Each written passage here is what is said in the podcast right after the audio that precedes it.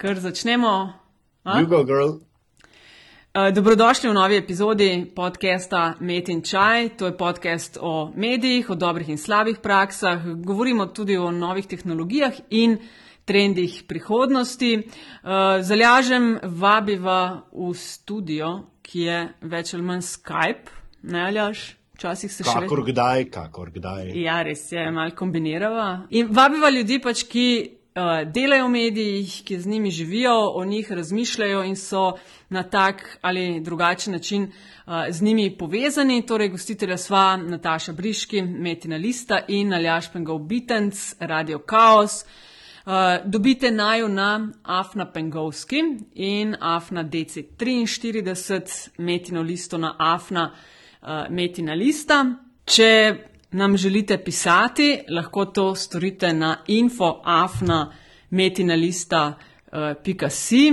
Uh, Aljaš, aha, oglasite nam na, se lahko seveda tudi na Facebooku.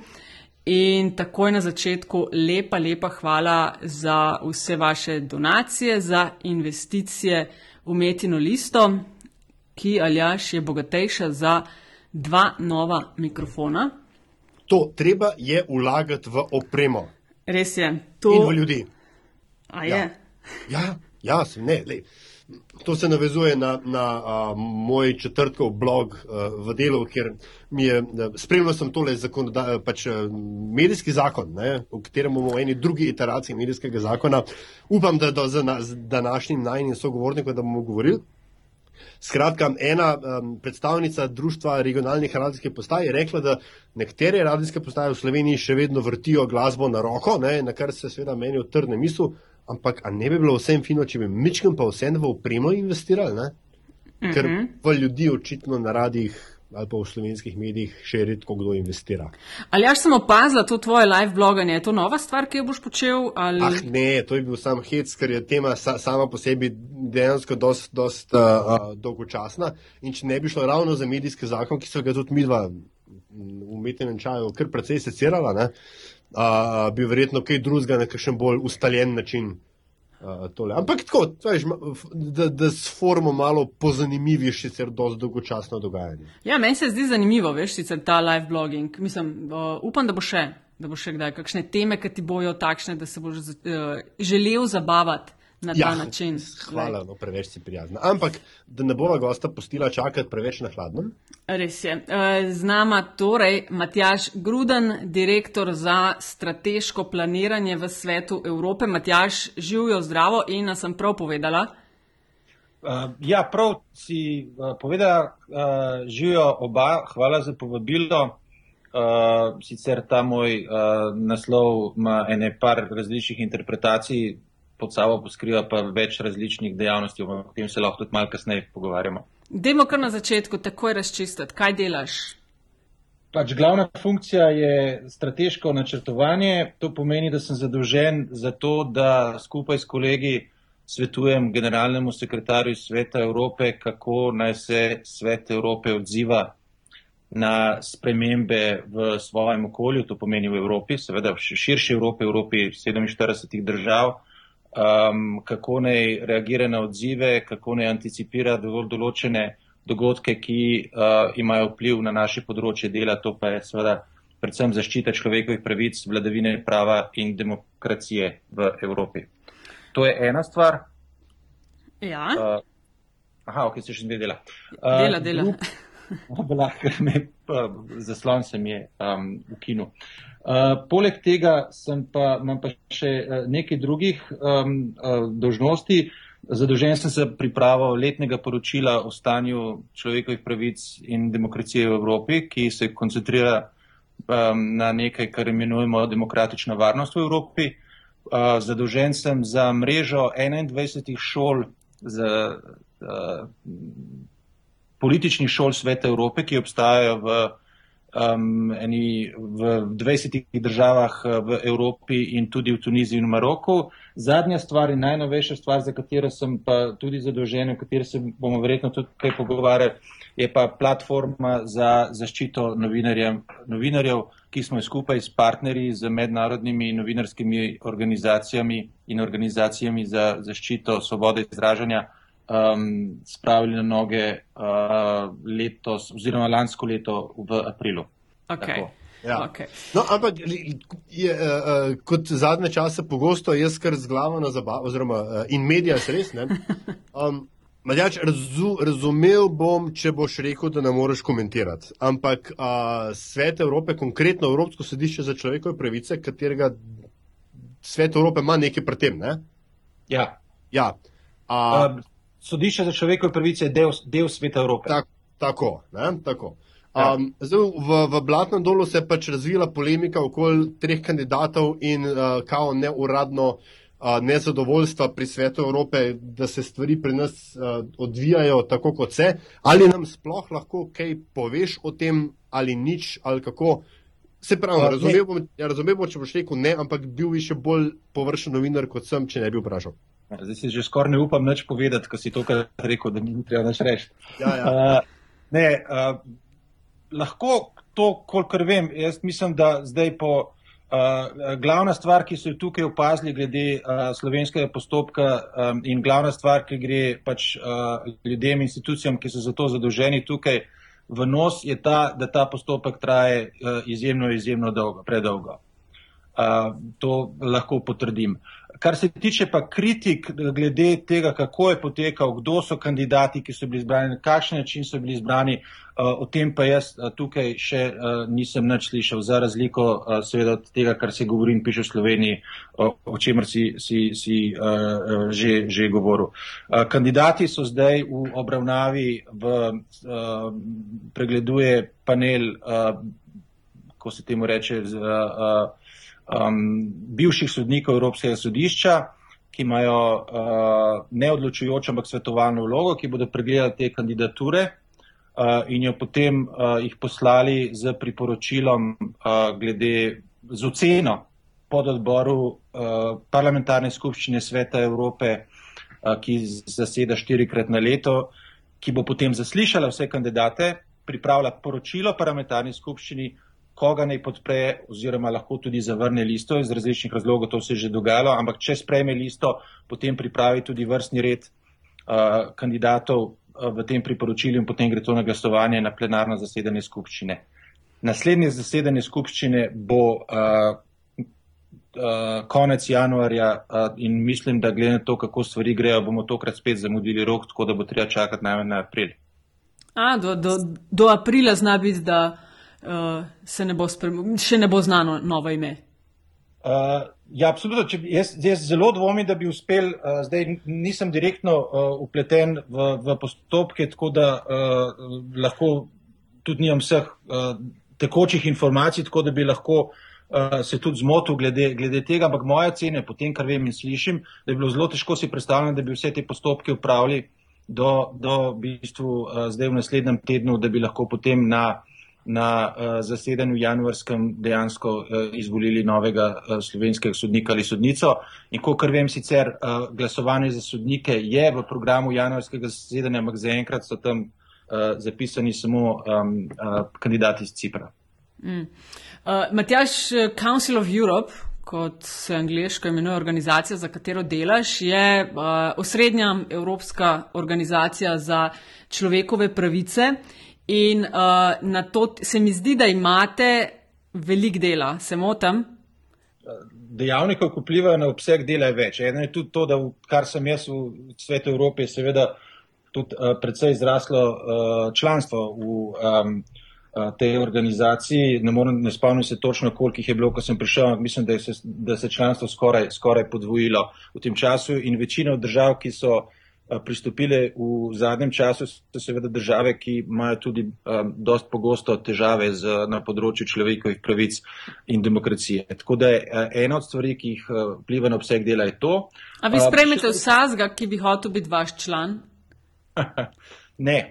Ker si omenil, da pač so pristopile države, ki imajo malo težav s temi človekovimi pravicami. Ja, to, je, to, je, to je zdaj uh, ena taka uh, daljša zgodba, ki se jo bom skušal na zelo kratek način povedati. Uh, uh, v bistvu v razvoju sveta Evrope je lahko uh, je bilo, je bilo nekaj obdobij. Prvo, tisto povojno uh, pionirsko, ko se je gradilo svet Evrope, ko se je postavljalo Evropsko sodišče.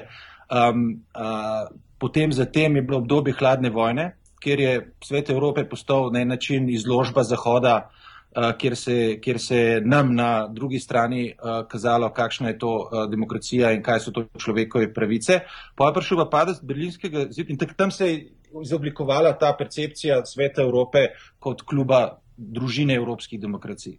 Pa je prišlo do padca berlinskega zidu, Uh, kjer je v bistvu svet Evrope bil tisti prvi, ki je se je odprl, sprejel dva se prve države uh, iz uh, uh, vzhodne Evrope, bivše Sovjetske zveze kasneje. Uh, in uh, tukaj še vedno ustrajajo namenoma na tej, uh, um, uh, ko bi rekel, definiciji ja. uh, družine evropskih demokracij, klube evropskih demokracij, ker je bilo to tudi politično in psihološko zelo pomembno, ker, te države, ker so te države uh, spremljali v ta klub in je to imel en tak zelo pomemben psihološki politični učink. Um, no, ampak zelo hitro uh, so pristopile vse države, ki so bolj ali manj ustrezale minimalnim pogojem za članstvo, pa so prišle pa na vrste države, ki so že v tistem čem, uh, trenutku imele očitne težave z nekaterimi temeljnimi postulati članstva.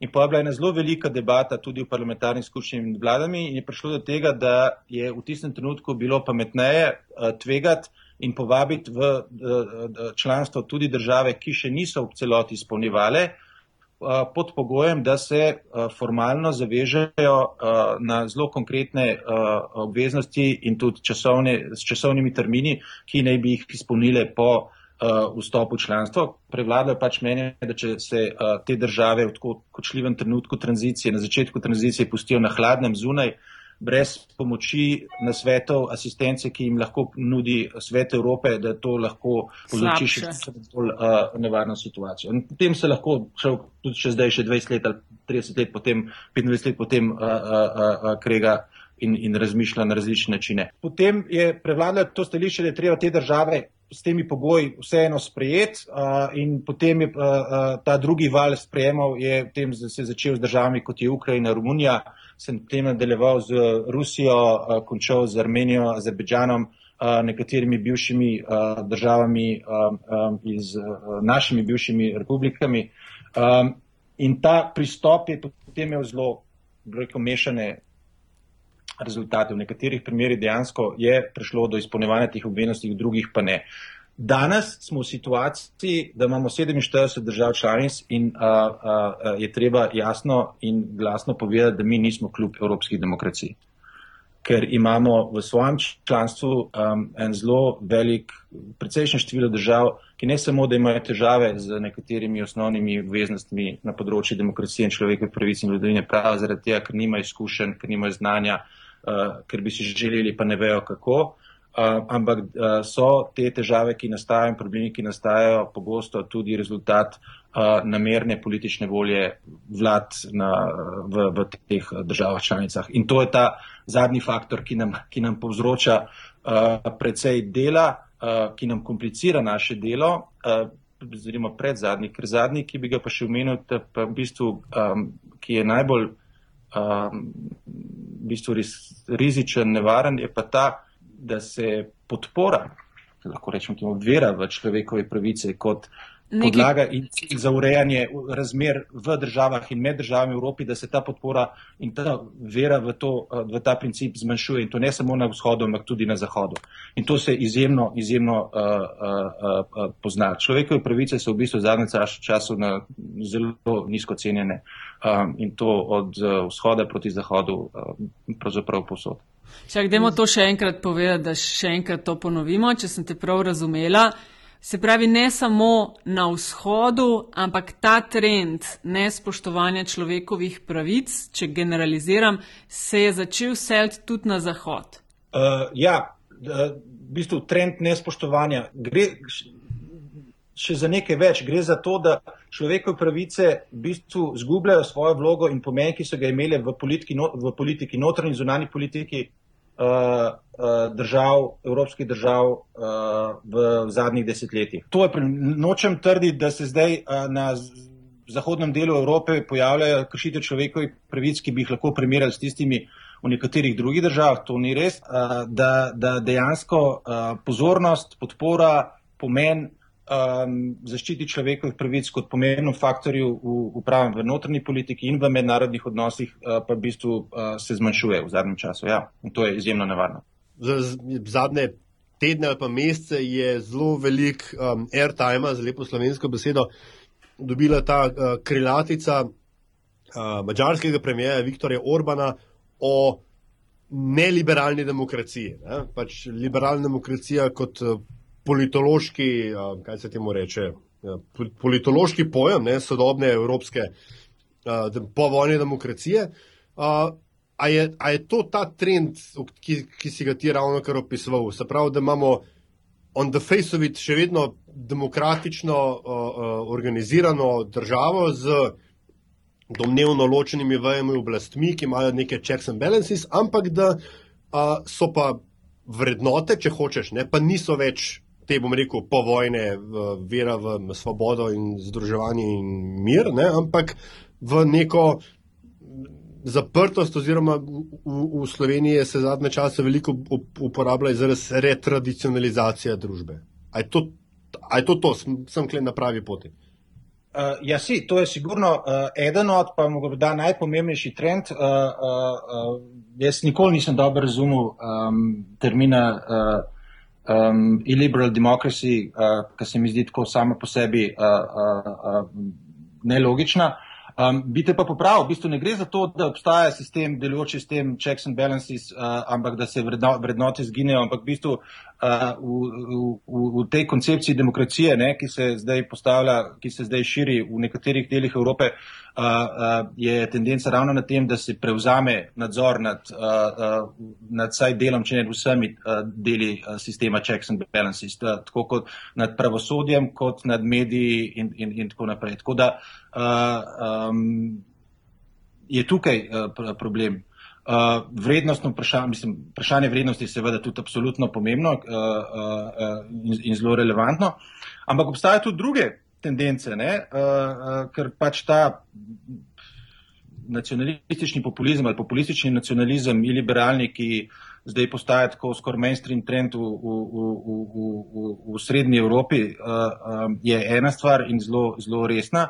Ampak, če pogledam, recimo, uh, nas skrbi tudi uh, dogajanje v Veliki Britaniji in njihovo razmišljanje o tem, kaj bodo naredili z Evropsko konvencijo za človekove pravice. Uh, Uh, iz enih zelo takih marginalnih razlogov so uh, politiki skupaj s tabloidi v zadnjih letih naredili, uh, povzročili situacijo, iz katere se zdaj ne znajo izvleči. Vsi razmišljajo, govorijo in pišejo o Brexitu, ki je izjemno pomembna zadeva, ampak v, v senci tega uh, v Veliki Britaniji poteka tudi razmišljanje o tem, ali bi uh, uh, Velika Britanija ali izjemno omejila pristojnosti Evropskega sodišča za človekove pravice ali pa enostavno odšla iz Evropske konvencije za človekove pravice. Um, taka razmišljanja se pojavljajo tudi v drugih zahodnoevropskih državah, v Švici, tako uh, naprimer. Um, v velikem delu držav uh, Evropske unije, pa tudi širše, pa zdaj vidimo dejansko tudi pri tem begunskem valu, um, uh, kako se pravzaprav vrednostni sistem spremenja. Ne? Tukaj se strinjam s tistim, kar si ti, ti omenil. Ampak to ni samo problem Orbana ali pa Polske, ampak ja, je v bistvu vrednostni sistem pri politiki je, gre čez eno tako zelo radikalno transformacijo ali pa retrogradno transformacijo v zadnjem času. Ko ste že, ja, izvolili, ali še samo. Ne, ne, ne, polska keyword, veš. Da, ja, Nataša, to, toč, ne, točno to sem jaz, ja. točno to sem tudi jaz imela v mislih. E, Polska, v Polski se je veliko zdaj govorilo zaradi medijskega zakona, ki so ga sprejeli. Uh, v 24 urah zamenjali urednike, kar mene še posebej zabava, ali až si opazil uh, tisti stavek, da to delajo zato, da bo vse skupaj bolj transparentno in neodvisno in uh, uh, uravnoteženo in objektivno v medijih. Zveni znano. Ne? Res je. Uh, ja. kak, uh, zdaj, Matjaš, ti si o tem tudi v zadnjem mesecu dveh kar nekaj pisal tudi na metini listi. Hvala ti za vse te prispevke, ker so marsičem uh, odpirali oči in ponujali uh, dobre razlage tega, kaj se dogaja in kaj bi morali delati. No, ampak zdaj, kako se, se s to polsko sploh vi kaj ukvarjate? Ja, v tem pogledu. Ne? Zelo se ukvarjamo uh, uh, s Polsko. Um, zdaj, tukaj sta, tukaj sta dve stvari zaenkrat, ki so najbolj na tapeti. Prvo je, so bile, um, se uh, tičejo sprememb uh, v imenovanju sodnikov uh, ustavnega sodišča. Uh, drugo so pa spremembe medijske zakonodaje. Ja, Eno ta nas in, zanima. Ja. Ja, no, zdaj tako. Uh, um, o teh zadevah, tako kot veste, so se včeraj uh, pogovarjali um, uh, v Evropski komisiji in o tem um, no, se je veliko pisal nuklearna opcija, sedmi člen, na kateri že člen. Ja, ja, ja. ja. ja, ja. Uh, no, no, uh, končni, v bistvu, um, končni rezultat tega včerajšnjega sestanka je ta, kot je danes prišel v javnost, je to, da bodo v komisiji počakali na to, kaj bo o teh spremembah, zdaj govorimo o stavnem sodišču, uh, povedala Beneška komisija, ki je uh, ravno tako del Sveta Evrope. Uh, uh, pač, uh, na našo pobudo je polska vlada sprejela, da ta, te spremembe uh, glede ustavnega sodišča podvrže um, uh, analizi naše Beneške komisije, ki bo marca dala svoje mnenje in uh, pač Evropska unija, komisija se odločila, da bo počakala kaj bo o tem rekel svet Evrope in potem se bo odločil naprej. Kar se tiče pa medijskega zakona, ne, uh, ki vas še posebej zanima, je pa situacija še bolj komplicirana, zato ker v bistvu, tako kot se je to že zgodilo pri podobnih uh, spremembah medijske zakonodaje, še posebej glede uh, javne radio televizije na Mačarskem, je Evropska unija po tej um, prvi hitri reakciji, zelo burni na te spremembe, uh, v bistvu ugotovila, da dejansko nima. Um, da nič ne more da nima pravne podlage, da bi dejansko lahko delovala na tem, na tem, na tem področju. In je uh, uh, signal, ki smo ga dobili iz, iz komisije uh, po včerajšnjem sestanku, no, s tem se pa prosim vi ukvarjate. Uh, kaj? z, z medijskim zakonom. Ja, ja, ja, uh, medijskega zakona je, je, je, je stvar taka, dobili smo prijavo naših partnerjev, teh šestih oziroma sedmih mednarodnih organizacij, združenj novinarskih, ki so naši partnerji na platformi za zaščito novinarjev. Dobili smo uh, prijavo glede medijskega zakona. Uh, uh, potem po tej prijavi je generalni sekretar pisal uh, polskemu predsedniku in uh, mu ponudil, da uh, uh, se usedemo skupaj in pogledamo medijsko zakonodajo in uh, da jo ocenimo, ali je ali ni uh, in če ni, v katerih ozirih ni uh, v skladu z standardi um, uh, sveta, sveta Evrope. Uh, In zadnja stvar, ki se je tudi dogajala včeraj, da smo dobili prvi pozitivni signal strani iz Varšave, da bi bili pripravljeni dejansko podvršiti ta medijski zakon naši, naši strokovni ekspertizi, ki bo potem um, ocenila, ali, kaj, je tem, kaj je s tem zakonom. Matjaš, kaj lahko, a je ta Council of Europe, kaj lahko naredi? A je to en, en brezzobi tiger, ki se ocenjuje, gleda, spremlja, izraža zaskrbljenost, ali mhm. lahko uh, tudi kakšne, bom rekla, take konkretne poteze vleče, ki prisilijo kršitelje ali pa uh, da, da delujejo drugače?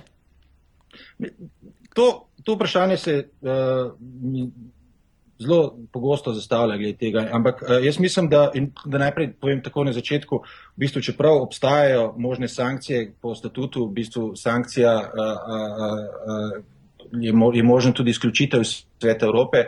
To se v zgodovini a, do sedaj še ni zgodilo. A, blizu smo prišli, a, ko so v v Grčiji prišli na oblast polkovniki, ampak so se umaknili, preden smo jih lahko vrgli ven.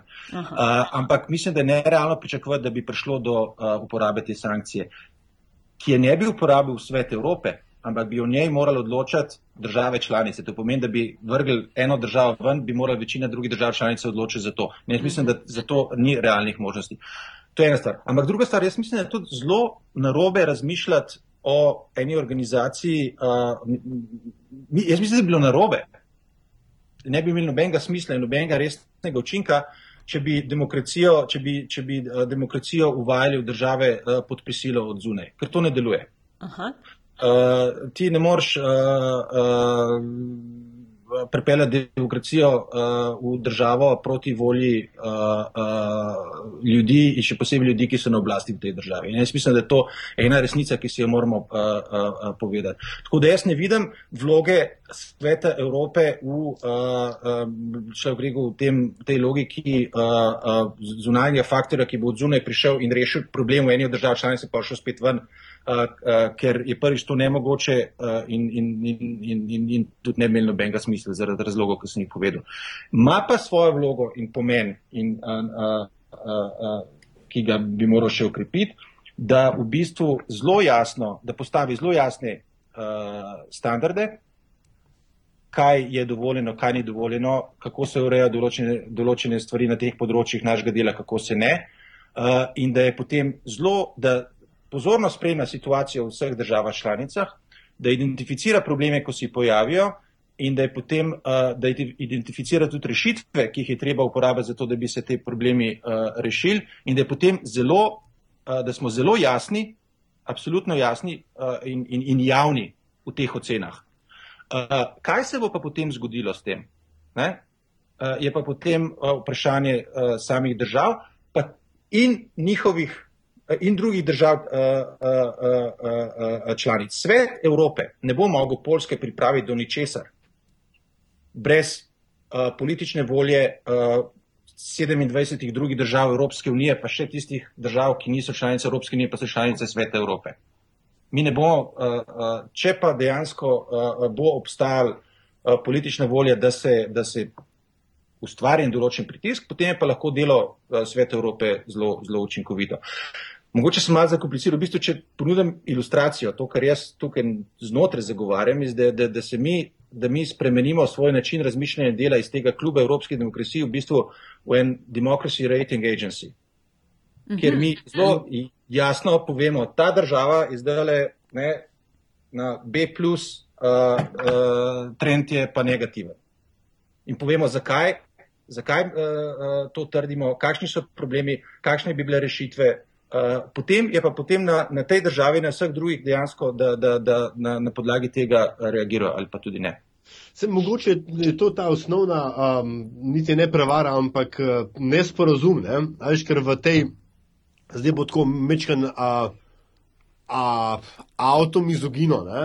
Uh, v tem brdovitnem Balkanu in v vzhodnji Evropi, nekako vedno smo nekako bili ali navajeni ali pa trpeli nekoga, ki nam je govoril, tako pa tako bo, a veš, aj bil to Beograd, aj bila to Moskva, aj bil to kdorkoli, in če ni bilo, smo jih pač dobili po buči, kolektivno.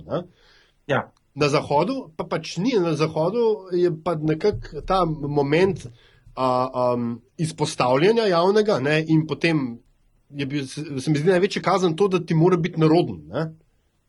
Ja. In, in, in, in da zdaj, pa ne vem, pač, ali, ali bodi si slovenci, pa, Slovenija je tudi imela nek, neko epizodo z Beneško komisijo, okoli volitev leta 2000, če se, če se prav ja. spomnim. Ali pa Mačari, ali pa, ali pa Poljaki, ne, pa rečejo, ja, kaj nam pa morete. Ne? Ajš in pol, ja, ker, ja. ker, ker, ker, nima, ker vse to robe nima palce, da bi, jo, da bi, da bi jih tepo po glavi. Ne, Tako da mogoče gre kle ta, ta osnovni uh, uh, um, misunderstanding, se mi zdi.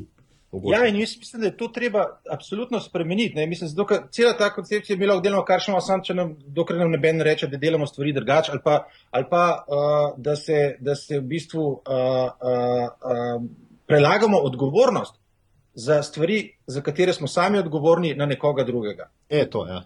to prelagamo. Izvoli, sorry. Ne, ne, sem, ne, ja, to o prelaganju odgovornosti se mi zdi, da si odlično izpostavil v enem od tekstov in kle govorim dalje o sovražnem govoru in obsodbah sovražnega govora v medijih, uh, kjer ni ljudi, tistih, ki bi to morali početi, politiki, javne osebnosti in tako, in glasno obsojati, kaj se sme in kaj se ne sme, ne, ker sovražni govor kot si pisal v eni od kolumn, je uh, zelo težko kaznovati, vsaj v Sloveniji. Moje razmišljanje je bilo, moja reakcija na razpravo, ki se zdaj že nekaj časa odvija v Sloveniji, ki gre tako zelo eno, eno, enosmerna, ker v bistvu se uh, uh, uh, kritizira tožilce, da delajo premalo, da bi uh, preprečili sovražni govor. Ne? Zdaj, jaz ne trdim, da je to res ali ni res, ampak mislim, da je to. Uh, preosko uh, gledanje na cel fenomen sovražnega govora, ki ne bo um, pripeljal uh, do kakšnih posebnih rezultatov iz naslednjih razlogov. Najprej bi rad rekel, da absolutno ne trdim, da ne sme biti kazenskega pregona sovražnega govora. Uh, jaz mislim, da. Uh, uh, Ki bi ga ti preimenoval v nevarni govor, ne? če sem te prav razumela. No, lahko se najprej začnemo pogovarjati o terminologiji. Ker okay, v bistvu, dajmo.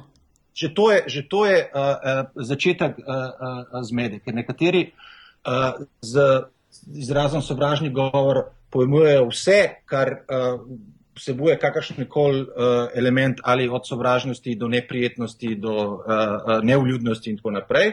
Drugi s tem pojmujejo uh, zgolj tisti del diskurza, ki bi ga bilo treba sankcionirati tudi kazensko. Ne? Ja. In to sta dve različni uh, stvari. Zaradi tega, ker uh, in, in to ima svoj smisel. Rečeš, sovražni govor je tisto, kar dejansko bi moral kazensko preganjati, ne? kar gre čez prak tistega, kar bi lahko, uh, kar še ščiti svoboda uh, izražanja. Um, ampak potem, če to tako narediš ne? in, in ta, ta, ta kategorija sovražnega govora mora, zaradi razlogov, o katerih se lahko pogovarjamo, biti uh, izjemno osko definirana z vsemi varovalkami, da ne bi prišlo do, do, do, do, do, do zlorab. Um, pušča izven te kategorije ogromno govora, ki, ne bo, ki ne bo dosegel praga za kazenski pregon, ampak je še vedno izjemno nevaren, uh mhm. -huh. ker lahko na, uh, ogroža posameznike in manjšine in jih napada uh, jih, jih, jih uh, izpostavlja, stigmatizira in tako naprej. Zaradi tega govorim najprej o terminologiji. Jaz sem rekel, zato je bilo lahko bi o tem govorili in to tudi uh, v Združenih narodih uh, se zdaj precej, precej ta tendenca pojavlja, da se govori tudi o sovražnem govoru, zato da um, bi se povdarjali, da ni nespremljivo samo tisto, kar je kazensko preganjeno, ampak da je lahko nespremljiv tudi govor, ki ga dejansko na podlagi pač, uh, tega postata, uh, uh, spoštovanja svobode izražanja moraš dopustiti. Ampak, če ga ti moraš dopustiti, če ga ne moreš prepovedati, še ne pomeni, da lahko v družbi ta govor ostane brez kakršne koli reakcije. A lahko je, mogoče poveš, kakšen čistko primer sovražnega govora ali pa nevarnega govora, ki je po tvojem bi se ga moral kazansko preganjati, čist ja. konkreten, kakšen stavek ali pa uh, in kakšen ne ne bi prišel ta poštev. Ja, to se ne izogibam, uh, se ne izogibam uh, uh, od, od, odgovoru. V, v Sloveniji sem spremljal, recimo, okrog, okrog beguncev. Ja, tudi v celi Evropi. Ne? Ja. Poročanje nekaterih uh, uh, medijev in uh, slovenskih, in v nekaterih primerjih je prišlo do tako tendencioznega, uh, lažnega, potvorenega uh, uh, in, in uh, uh, uh, poročanja, ki je v bistvu popolnoma fabriciran, ki bi lahko v določenih trenutkih recimo privedel tega, da bi se, uh, kaj si, ko, ko se je pisalo o tem, da so v tem in tem kraju, da je uh, nekdo, ki je izgledal kot begunec, uh, napadel žensko po tistem, kar se je zgodilo v Kelu. Uh -huh. uh, to bi si človek predstavljal, da bi recimo nekaj takega, širjenje takih novic, Uh, lahko pripeljali do tega, da bi vrli uh, sovaščani ali someščani uh, v tistem kraju lepo šli uh, si organizirali vigilante in vsakogar, ki bi zgledal kot begunc, pač sankcionirali. To je tisto, pač, kjer se to zelo približa tej definiciji, ki bi tudi Evropsko sodišče uh, pripoznalo kot uh, kaznivo. Zdaj govorimo kot, o kaznivem, ne? Ja. Ampak, oprosti, če te lahko sam dopolnim, tukaj je seveda treba pol umeti uh, sreden incident z prašičimi glavami na gradbišču Ljubljanske ja, džamije primer, ki bi ga, ki bi ga tudi lahko, lahko uh, uh, omenjali, ne? ker uh, bi težko razmišljati o tem, v kakšni meri, v kolikšni meri deseti člen Evropske konvencije za človekove pravice uh, dopušča tak način komuniciranja ne? z, uh, z manjšino. Ampak ob vsem tem uh, pa opozarjam, ne? da je kazensko sankcioniranje sovražnega govora, ponavljam, a veste, kar se zdaj gleda kot pomembno, pomembno iz dveh razlogov. Pomembno je prvič zato, ker dejansko pošilja en političen pravni političen signal, da je nekaj nedopustno nevarno. Uh, pomembno je zato, ker lahko uh, dejansko je uh, uh, izjemno pomembno v fizični zaščiti določenih ljudi, ne? ker lahko pač se sankcionira tisti sovražni govor, ki bi lahko pripeljal do nasilja. Um, uh, in, in, in, in, in to je seveda, uh, ampak ima pa tudi cel kup nevarnosti. Ne? Če se preširoko, preohlapno uh, uh, uporablja, Uh, se lahko... nič ne zgodi. Ne? Veš, kaj gledam? Zdaj gledam spletno stran, spletno oko. V Sloveniji pač imajo definicijo, kaj so vražni govor in piše gor, da je sodna praksa v Sloveniji je na področju kaznivega sovražnega govora skromna, vendar je v zadnjih letih opaziti porast primerov, ki so jih obravnavala toživstva in sodišča. In zadnji podatki gor so, se sicer nanašajo na 2012, kjer je bilo prijav 4074 in kaj mhm. mislite, koliko obsodb od 4700 prijav, koliko je bilo od tega obsodb? Ja, se gibam, da jih je bilo zelo malo. 13. Nič. 13, ja, to je tudi za no. odstotek, ni, ne? Kako no, pol na to? to je, ja. no, eden od rizikov, ne? zato ker pol to pomeni za tistih 4000, ne vem koliko, minus 13, ne? Eh, so v bistvu eh, na en način si uh, še dodatno legitimiziral en govor, ki je bil sigurno vprašljiv. Ja, ja. Uh, Uh, tako da to je eden od problemov. Drugi problem je problem zlorabe. Mi zdaj, zdaj uh, zato, ker uh, uh, um, uh, um, to, ta koncept sovražnega govora in kazenskega pregona uh, o tem razmišljam v enem zelo uh, um, specifičnem kontekstu, ne, do, do beguncev ali pa do uh, uh, LGBT oseb ali pa do Romov in tako naprej. Ne. Ampak, ko ti začneš postavljati ne tako uh, precedence za, to, za, za poseg države v uh, svobodo izražanja, ne, si treba to predstavljati, da boš te precedence, mehanizme, instrumente lahko v enem trenutku predal tudi nekomu, uh, ki bo s tem uh, uh, zasledoval drugačne cilje, kot bi si ti želel. Uh, in ta možnost zlorabe dejansko uh, uh, uh, obstaja. Zato pretirano omejevanje uh, svobode izražanja je kontraproduktivno. Izjemno. Nevarno, je tudi izjemno nevarno za demokracijo. Zato je Evropsko sodišče jasno reklo, da, da, da, da uh, svoboda izražanja pokriva tudi uh, uh, diskurs, ki je, ki je šokanten in ki je žaljiv, in, in, to je treba, in to je treba vedeti. Ampak, ponavljam, tudi če se nekaj ne more in ne sme kazensko preganjati, to ne pomeni, da je tak govor lahko enostavno toleriramo, ignoriramo, uh, um, ali pa celo pozivamo, da ga je treba upoštevati, kar je fenomen, ki se uh, uh, širi v Sloveniji, še posebej v času begunske krize, ker je v bistvu um, cel ta diskurs okrog sovražnega govora uh, se analizira samo v, um, v odnosu med uh, tistimi, ki zagovarjajo pravice beguncev, pa tisti, ki ne marajo beguncev. Ne? Uh, uh -huh. In pol se tudi sovražni govor. Dajte se spoštovati med sabo, da ne bo sovražnega govora med, med, med, med vami. Ne? To je ta logika, uh, uh, ki je popolnoma. Tisti, da se išče konsens med strpnostjo in nestrpnostjo. Ne? Do koga ne se more meriti nevarnost prisotnosti in nevarnost sovražnega govora do žrtev, ne? ki v tem trenutku niso ne uh, zagovorniki pri izbeguncev in še manj tisti, ki bi jih uh, vrgli čez mejo ali pa z njim naredili še kaj hujšega, ampak so to begunci. Ne? Mm. In to se stalno, ta, ta, ta, ta model razmišljanja, ne, uh, ne mejmo sovražnega govora med nami, slovenci, dajmo upoštevati ta mnenja ne, in poiščemo nekje en, en konsens nekje na sredi, pri tem pa pozabljamo uh, uh, na, na, na, na, na, na žrtve tega sovražnega govora, pa ne bodo to begunci, pa ne bodo to ženske ali Romi ali LGBT osebe ali, ali, ali, ali črnci ali kdorkoli.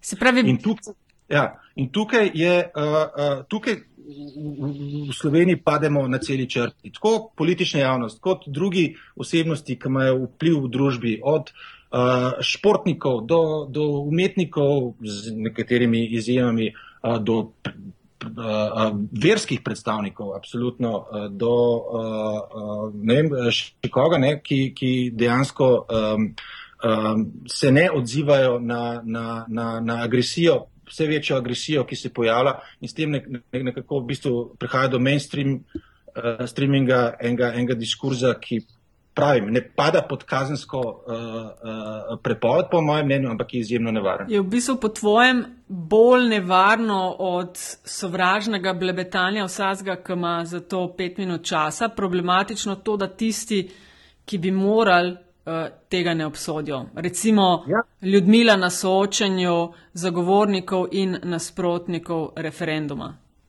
Ja, to je en primer. Mene je recimo šokiralo to, da kakšni so bili odzivi oziroma neodzivi na, na, na, na požig knjige pred uh, hišo bivšega predsednika. Recimo ten kratki primer, kjer bi pričakoval, uh, pa to nima nobene veze z političnimi afinitetami uh, uh, do, do, do osebe, ampak da bi imel takojšen, oster, enoten odgovor kompletne politične uh, uh, in tega ni bilo. Ne. To je bilo recimo zelo, zelo prenesetljivo. Pa še nekaj. Sovražni govor ne, ne obstaja v vakumu. Ne, to je govor. Ne, uh, sovražni govor, zato da obstaja, potrebuje sovraštvo. Ne, to je vrh. Uh, uh, in, in, in ko se skoncentriramo samo na, na, na, na, na to zadnjo stopnjo, na, na, na komunikacijo in pozabljamo na uh, cel sklop faktorjev, ki generirajo ta sovražni govor, uh, tudi uh, ne, bomo, ne bomo učinkoviti. In tukaj moramo pa tudi razmišljati o potezah, politiki, izjavah, ki v bistvu na en način. Um, uh, ko še rekel, spodbujajo, legitimizirajo in dopuščajo to porast agresije v, v, v, v, v, diskursu. Sem kako boš to dobil, če se delimo na naše in vaše in seveda se naši nočejo zameriti svojim, uh, ki za njih navijajo, vaši se nočejo spet svojim. Kako boš to dosegel? Zelo zastrupljeno ozračje, veš, ti že vrsto let živiš v tujini, v Sloveniji, popravljaš, a se ti zdi, da je zastrupljeno ozračje ali da pretiravam? Ni tako ja, hudo. Ne, je, mislim, uh, definitivno je, ne vem, če je zastrupljeno, mogoče je to taka preveč kemična beseda, radikalizirano je. Ne? Zelo. Uh, ja, in se, uh, mislim, ne, sej, ali tudi če sem že toliko časa tu in se konc koncev, zdaj že ne, lahko človek uh, uh, te stvari dosti sprejema, ne, se absolutno strinjam ne, z, se vem, z, z oceno, ampak če je to tako, ne, če nismo uh, uh, sposobni uh, nekaterih osov, osnovnih stvari. Imate kakšen priročnik, k, da, da pride država na tak nivo? Kakšen rejting ima? Ti si govoril na začetku o rejtingih demokratičnih, ki jih delite, recimo, da je to Council of Europe. Kakšen rejting ima Slovenija v tem pogledu? Glavna značilnost Slovenije in mogoče tudi faktor, ki je, ki je, ki je uh, pripomogel k temu, da se stvari šle v nekaterih ozirih tako daleč, da je bila Slovenija vedno tako mal pod radarjem. Ne? Nikoli ni bila dejansko uh, smatrana kot uh, posebej problematična, uh, razen v nekaterih uh, uh, uh, ozirih, te so bili uh, predvsem izbrisani, uh, uh, pa, pa tudi uh, uh, Romi. Um, ja. Prav tudi, v bistvu, to sta dve skupini, pri katerih se te problemi, uh, o katerih se pogovarjamo, uh, so bili zelo izraziti in ki so tudi pripomogli ne, k tem um, ravnanju, neravnanje politike uh, uh, in drugih javnih osebnosti v odnosu do teh skupin, je tudi pripomoglo k temu, ne, da se v bistvu. Um, nevarni govor do manjšin, uh, da se nevarni govor do določenih manjšin v slovenski družbi na ne, ne način uh, v bistvu uh, postal mainstream in se legitimiziral. Uh, Okay, um, izziv, oprosti, ampak ja. si, lahko mi zdaj iz, iz, um, na podlagi povedanega poteg, poskušamo ta enkrat zelo um, impromptu vzorc potegniti. Se pravi, imamo uh, problem, ki je zaznan, uh, ja. ampak ga uh, politika, vsakokratna oblast, če hočeš, ne, ga ignorira oziroma odpravlja, da se ni tako hodo. Ja. Uh, kaj, mislim, to za, za, ne samo za javno razpravo, ampak tudi za posledice v družbi, čist fizične, če hočeš, glede na to, kaj se recimo dogaja s strojani, ne, uh, to ja. ne pomeni nič dobrega. Ne. Ne vem, sem odgovoren na tvoj izziv. Se strinjam, ne pomeni nič dobrega. Jaz mislim, da uh, bo um, moral priti do, jaz ne vem, kako ne do tega pride, ampak jaz mislim, da bo moral priti do, do, do, do um, zelo do precejšnjih sprememb v um, odgovornosti. Ne vem, kako bi našel boljšo eh, osebo v izvajanju političnih in javnih funkcij v Sloveniji, da bi se to, uh, se to spremenilo. Ker um, čeprav ni enostavnega recepta, ne, uh, ta stvar se bo morala spremeniti, uh, uh, začeti spremenjati top-down. Uh, konc koncev vzorci obnašanja, uh, ki jih vidimo, uh, uh, so nastali, uh, ne samo, niso prišli samo iz gostilni, iz bifejev, ampak so uh, začeli uh, zauzemati tako uh, veliko in pomembno vlogo v javnem uh, mnenju in življenju v Sloveniji, zato ker so bili na en način stimulirani, tolerirani, uh, izrabljani uh, strani, strani uh, uh, politike. In um, tukaj ne gre samo za odgovornost, to ponavljam, ne gre samo za tiste, ki dejansko, um, še rekel, um, um, sami um, širijo uh, ta diskurs in ga sami uporabljajo, ampak je odgovornost tudi tistih, ki, ki, ga, um, ki ga tolerirajo, uh, ki se na njega ne odzivajo, ker je to tudi način uh, legitimizacije. Uh, uh, če dejansko se ne odzi, od, od, odzivaš na, um, na, na, na uh, govor, na diskurs, ki je nespremljiv, um, če si na poziciji politični. Pa drugi, in če tega ne narediš, postaneš del tega problema. Opažaš kakšen primer dobre prakse, dobre govorim, v Sloveniji, kar se tega tiče, kolikor spremljaš? Je kdo, ki se ti zdi uh, kot človek, ki zaseda javno funkcijo, da se ustrezno odziva? recimo predsednik. Zakaj smo tiho? Nismo tiho, ampak. Uh, uh, ne, jaz mislim, da bi se um, z vsem dolžnim spoštovanjem do predsednika, um, mislim, da bi uh, se lahko in moral uh, bistveno uh, jasneje in glasneje opredeljevati do, um, do nekaterih pojavov in nekaterih uh, uh, uh, diskursov, um, ki se pojavljajo v Sloveniji. Jaz mislim, da on uh, tukaj ima možnost, ima vlogo, ima vpliv, uh, ki pa ga ne izkorišča v uh, celoti. Rabimo pa več tega, da ne bomo rabili vaše platforme za zaščito novinarjev. Tudi, okay, zdaj smo zaščita, recimo. Um, Mislim, jaz, jaz mislim, da, ja. da, da vračam se na to. Uh, um, če bo uh, Slovenija ali katerkoli druga država dejansko uh, um, ne, uh, imela ta uh, minimum uh, konsenza in politične volje, da stvari pri sebi uredi, je lahko svet Evrope um, um, ne samo zelo koristen, ampak v bistvu zelo uh, ne, uh, neizogiben uh, partner v tem, ker lahko, ne, ker lahko pomagamo ne samo z standardi, s pravili, ampak z nasvetom in s pomočjo, kako kaj narediti. Uh, v primeru pa, ko uh, tega konsenza ni, tega volje, te volje ni, ali pa ta volja gre celo v drugo smer, uh, pa ne bomo mi iz Štrasbura rešvali uh, problemov v Sloveniji, ki jih ne bomo mogli rešiti. Proti volji ljudi, ki tam živijo, vladajo in imajo svoje uh, odgovornosti in funkcije. Razumem. A rečemo še, preden gremo na zanimivost, eh, besedo dve o tej platformi, ki je na začetku si omenil nova zadeva v okviru uh, Council of Europe. Zakaj to rabimo? Ali rabimo vse bolj mogoče to? Ja, eh, žal, ja, mislim, da rabimo vse bolj. Mislim, ta platforma je, je, je um, zelo zanimiva iz, uh, iz, iz nekaj razlogov. Ne? Um, Prvič, zato, ker uh, gre za uporabljamo ne, tehnologijo. To mi, birokrati, uh, kjerkoli nismo prav najbolj navajeni, tudi v mednarodnih organizacijah, uh, tehnologija zmira bolj tako malo nujno zlo kot nekaj, kar bi lahko um, um, uporabljali v, v korist uh, izvajanja svojega mandata. Tako da kle uh, je ta platforma, ki je v bistvu uh, internetna platforma, uh, uh, tukaj ne gre smo uspeli, da ne samo, da skrbimo za zaščito svobode izražanja na internetu, ampak tudi, da uporabljamo internet za zaščito svobode izražanja.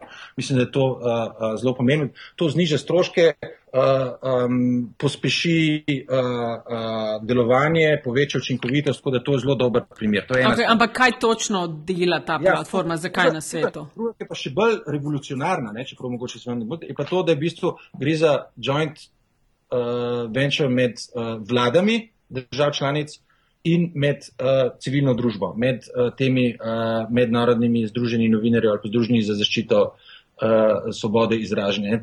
Uh, ta projekt, kjer v bistvu je zahteven dosti visoko stopnjo zaupanja, da so vlade rekle, ok, se bomo odprle, ne? ker funkcionira na tak način, da je svet Evrope postavil platformo internetno, ja. na katero lahko ti šest, sedem partnerjev uh, uh, direktno uh, objavlja pritožbe o grožnjah novinarjem ali grožnjah uh, svobodi medijev v državah članicah, ne da bi mi uh, imeli možnost na kakršen koli način to blokirati, spreminjati uh, uh, ali, pa, ali pa cenzurirati. Uh, in to se potem direktno, avtomatično pojavi na uh, platformi uh, Svete Evrope. Um, In to že samo po sebi, uh, uh, in to je ocena partnerjev, ne, ne, ne nas, uh, popolnoma spremenili situacijo, ker so naš, dobili način, da dejansko direktnega pritiska in izpostavljanja problemov, uh, ne, dobili so možnost preko te platforme, da direktno v faco porinejo vsak problem takoj uh, vladam članicam, kar pomeni, da se njim bistveno teže izogibati uh, odgovornosti, kar ne pomeni, da te, tega vse ne počnejo. To je prva faza. Druga faza je potem, da mi to takoj pač, uh, uh, uh, pošljemo uh, prizadetim mislim, državam, ki, ki se jih te pritožbe um, uh, dotikajo. In, uh, pa je in, kaj posluha na to, kaj jim prepošiljate?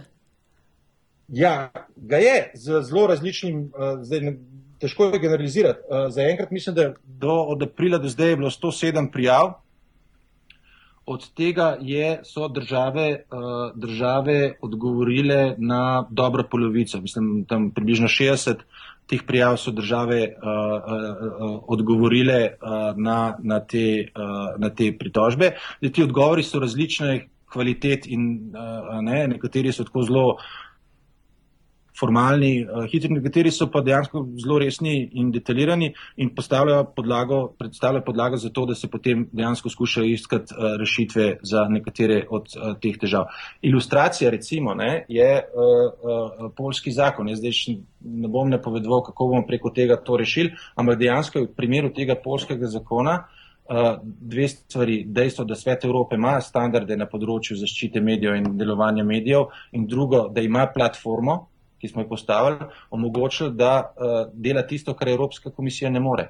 To pomeni, da ima uh, in mehanizem in pravno podlago za to, da se usede in pogleda ta za, zakon in da potem pove, če je, kaj je z njim narobe in kaj je treba narediti.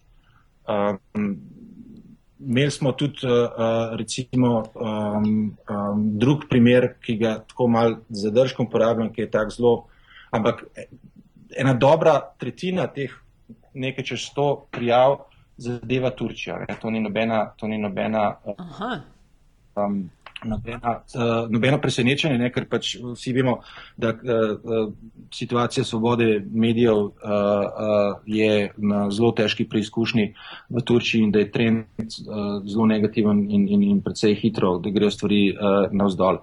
Um, ampak ne glede na to, je Turčija do zdaj odgovorila um, na uh, v bistvu ima največji, največji odstotek odgovorjenih um, um, odgovorov na pritožbe. Nekateri od njih so uh, tudi um, um, dosti sibinske in tik pred uh, novim letom smo imeli v Ankari sestanek z predstavniki turških oblasti, kjer smo v bistvu vse te probleme, glavne probleme, ki so prišli skozi platformo, predvsem glede uh, zapiranja novinarjev, uporaba protituristične uh, zakonodaje, uh, defamation, uh, ni oblikovanje, ampak je no, glavna defamation, uh -huh. uh, uh, dal na mizo uh, in uh, uh, pač uh, uh, zahtevali od turške strani, da na, na to odgovori um, in v zameno dobili um, obljube, da, uh, bo, uh, da bodo na to um, resno reagirali.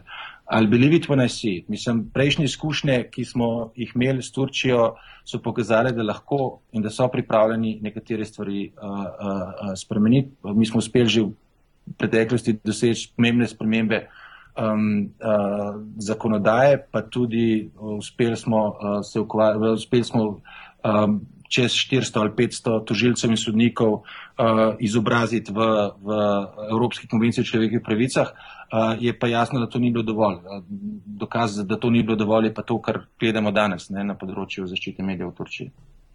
Hvala, Matjaš, za ta pojasnila. Ali jaš imaš ti kakšno vprašanje ali gremo na zanimivost? Vprašanje se kup, ampak ura teče in ni zgovorna. Pustimo kakšnega še za naslednjič. Ja, uh, Matjaš vsakega gosta podcasta Met in Čaj na koncu vprašava po eni zanimivosti. To ni nekaj, kar bi imelo zveze z, ne vem, kar se v tabloidih objavlja, ampak nekaj takšnega, kar gost recimo ve, pa misli, da bi utegnilo zanimati tudi uh, širši krok ljudi ali pa bi celo mogoče mogli, morali vedeti za to. Jo, sem zdaj sem, ja, tell me something you, uh, we don't know. ja. Uh, zdaj ste me toliko spravili v, v, v že cel dan razmišljati in popa uh, sem v enem trenutku uh, nehal razmišljati. Uh, bi... Ker si našel zanimivost. Ja. Uh, no, takole, ja, ena, okay. ena stvar. se, se vračamo na, na, na, um, na področje, na področje uh, uh, medijev, ne? pa da tudi uh, uh, demonstriram, da nisem, uh, da ne znam biti kritičen samo do drugih, ampak tudi do, včasih do lastne institucije. Um, ena od glavnih stvari, ne, se, s katerimi soočamo, je to, kako v bistvu prenesti vsta, kako se temu reče v Bruslu, aki. Um, človekovih pravic, zaščite človekovih pravic na področje novih tehnologij, ne, posebej interneta. In tukaj mislim, da se Svet Evrope in tudi Evropsko sodišče za človekove pravice še zelo, zelo uh, uh, lovi. Um, v zadnjem času smo imeli, uh, da, zdaj, da smo javno kritizirali Evropsko sodišče za človekove pravice. Um, Jaz mislim, no, jaz mislim, da, da, da case law sodišče na nekaterih področjih še ni čisto dorečeno in da ga bo verjetno še naprej um, um, um, preučeval.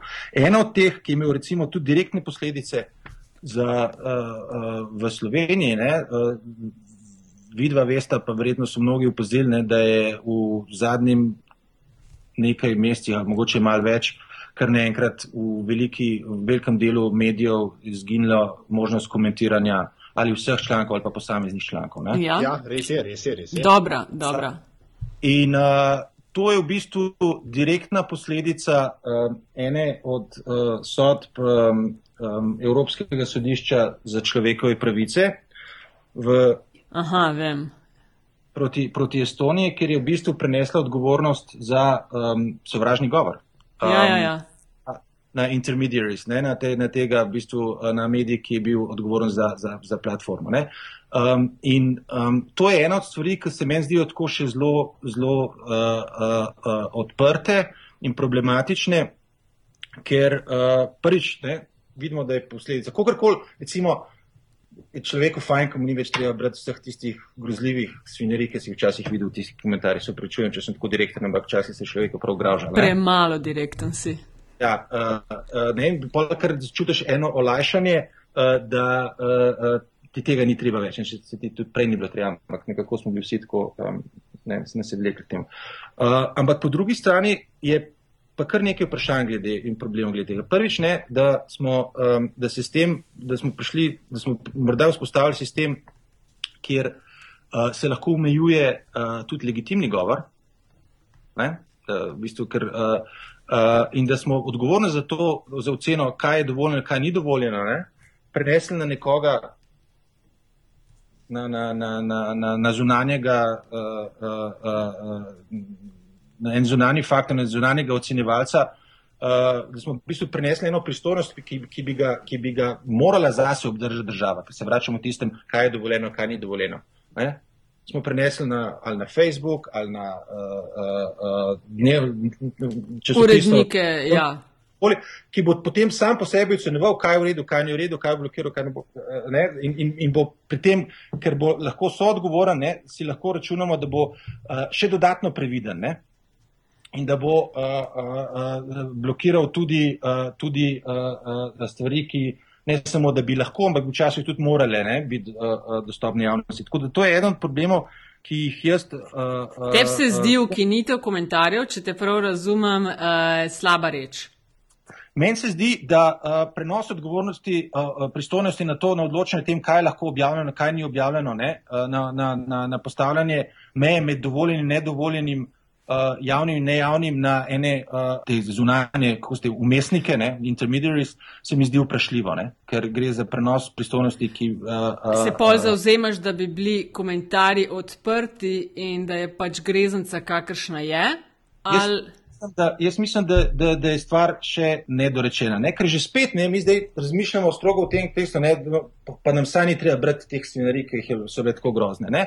Ampak je cela vrsta drugih situacij, ne, kjer bo uh, prišlo do omejevanja jav, objavljanja nekaterih vsebin, izjav, mnen, stališč, ki bi pa lahko ali pa morale biti uh, objavljene. To smo kar tako pač prenesli na nekoga. Ampak se se to... lahko, joj, to je huda tema, Matjaš si odprl. ali jaš ti se mal zadržuješ, vidim? Ne, mislim, se či, veš, čisto razumem. Namreč, ker tist, kar je, um, zdaj to čisto moj osebno občutek, ampak se mi zdi, da smo v Sloveniji začeli komentarje ukinjati ne zaradi te sodbe, ne? Morda kdo. Jaz vem, da, da jih jaz nisem zaradi tega, ne? na ja. kaosu. oziroma nekako se izlo še imamo, se ne vem. Ampak, um, ampak enostavno zaradi, zaradi količine te greznice, ki, ki je preokupirala, a veš, administratorje in vse ostale, ker, ker je bilo dejansko že slabo za medije, da, da je bilo to tam gor. Ne? No, uh, mislim, če, če ti, ja. ti uh, uh, uh, ko rečem, uh, absolutno spremem in, in ti uh, uh, podpiram ta, ta pristop, nočem biti, uh, ampak je pa dejansko, mislim, da iz, iz podobnih razlogov se je mnogo uh, uh, odločilo, da bodo to ukinili. Uh, ravno zaradi tega, eno, eno je, če so se morali administratorji, administratorji s tem zelo veliko ukvarjati, ne? to je ena situacija, druga pa je, če so se morali ukvarjati za to, tudi zato, da bi preprečili morebitno odgovornost medija za vsebino, ki bi jo po nesreči pustili na na, na netu. No, to, pa... to, to, to sem pa hotel reči. Po drugi strani se mi zdi pa sporno, ne, da je v bistvu. Um, uh, zdaj na nek način vzpostavljen, vzpostavljen pogoj za ne vem, neka vrsta entrapment, ne, ker jaz si recimo popolnoma predstavljam mečken manj demokratično vlado, ki se uh, zoprnega medija pač loti tako, da pusti šitla od enih komentarjev ali pa celo kakšnega čala sporna v comment section ne, in potem reče, ja. hop, niste spucali, adijo. Ja.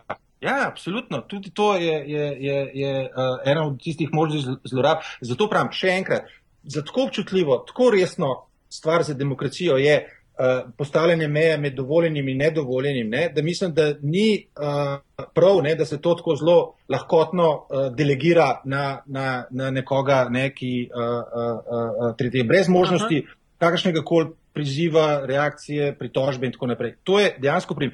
Da ilustriram, ne? Uh, uh, se vračam na tisto oddajo, ki so soočeni fenomenalno, ki smo ga gledali skupaj. Uh, uh, ko smo se smejali uh, in jokali hkrati. Ja. Se smejali in jokali. Ne? Tista reakcija voditeljice, ne, ki je bila uh, ena na, uh, od tistih protagonistov, k, mislim, da zagovornikov uh, um, uh, družinskega zakonika, ki je rekla, jaz mislim, ne, da je. Ne, parafraziram, da je pač uh, nasprotovanje zakoniku na zadnjaško. Ne? Reakcija, reakcija um, uh, voditeljice, ali lahko prenehate s sovražnim govorom. Uh mhm. -huh. To je. Da, primeru, ne, če to prenesemo na eno internetno platformo, ne, če bi ta voditeljica ne bila televizijska voditeljica, bi bil administrator te, uh, uh, te, uh, uh, teh komentarjev, začne brisati stališča, ki so lahko morda do nekoga žaljiva, šokantna ali kakorkoli, ne morejo pa biti ne more biti pa sporna njihova pravica do, do, do, do, do, do objave. Ok, ampak če pa recimo to se zgodi na mediju, kot je vem, RTV, ki ga davkoplačevalci vzdržujemo, ali pa če se to dogaja na zasebnem mediju, ki seveda urejanje komentar sekcije zahteva uh, določen čas, ljudi sredstva, a klele vidiš razliko, da tam, kjer je financirano strani davkoplačevalce, ja, sicer pa se vsak odloči po svoje. Še vedno, veš, to, to o cenzuri, še vedno lahko vsak, ki ima kaj napovedati, na katero koli temo to odpelje na svoj Facebook, na svoj Twitter, na svoj blog, pošle po mailu. Mislim, ni to tako, da bi bil ustreljen. Ne, ne govorimo, da, da, da, da govorimo o, o, o, o, o, o streljanju, ampak mislim, da dejansko, da, da rečeš, pa se ima nekdo možnost, ne, a, a, če mu klevom, ne mogoče se ima to možnost nekje druge a, povedati da je to. Ni isto. Ni isto. Ne? In je lahko okay. potencialno tako zelo riskanten princip, ki ga lahko pa, če ga začneš uporabljati. Ne? Uh, pa se jim ni treba, ne? se lahko tam okay. pove, volje odloča, to lahko to kot princip je imal, imal, imal uh, uh, uh, prišli. No, v glavnem. Uh, ste me, če vam povem. Ja. A ja, nismo še pri zanimivosti. Ojoj, povej. Ne, ne, ne. ne. Se to, to, v bistvu, to sem um, uh, odprl kot uh, zanimivost za drege. Super je, super. Kaj uh, drugega bi rekel? Ja, ok. A ja, to, sorry, sem mislila, da si želel še kaj dodati. Ne, super tema. Ta je zalažen, tako in tako se že pripravljamo, kdaj se bomo tega lotili v celem metinem čaju, da bi vseh ja. 60 minut temu uh, namenili. Matjaš, zelo, zelo lepa hvala za tvoj čas. Prosim, ja, super. Um, a te lahko kje to povemo, ja, tudi uh, te lahko ljudje kje na spletu dobijo spletne koordinate, na katerih si dosegljiv, želiš biti eh, dosegljiv? Uh, v bistvu najboljš, uh, najboljš je moj Twitter račun, moj najboljši. Uh, ok, ga lahko ponoviš, prosim. M. Grudanje. Uh, ok, zelo hvala, Aljaža, in mene lahko dobite na Afna Pengovski, Afna DC43, komentarji na epizode na Metin Čaj, dobrodošli tudi na infoafna metinalista.si in še enkrat res lepa hvala za podporo celot, vsem vsebinam, ki jih ustvarjamo v okviru Metine liste. Matjaš, te res še enkrat lepa, lepa hvala. Hvala za povabilo, za čaj. Z veseljem, meni se lepo. Enako.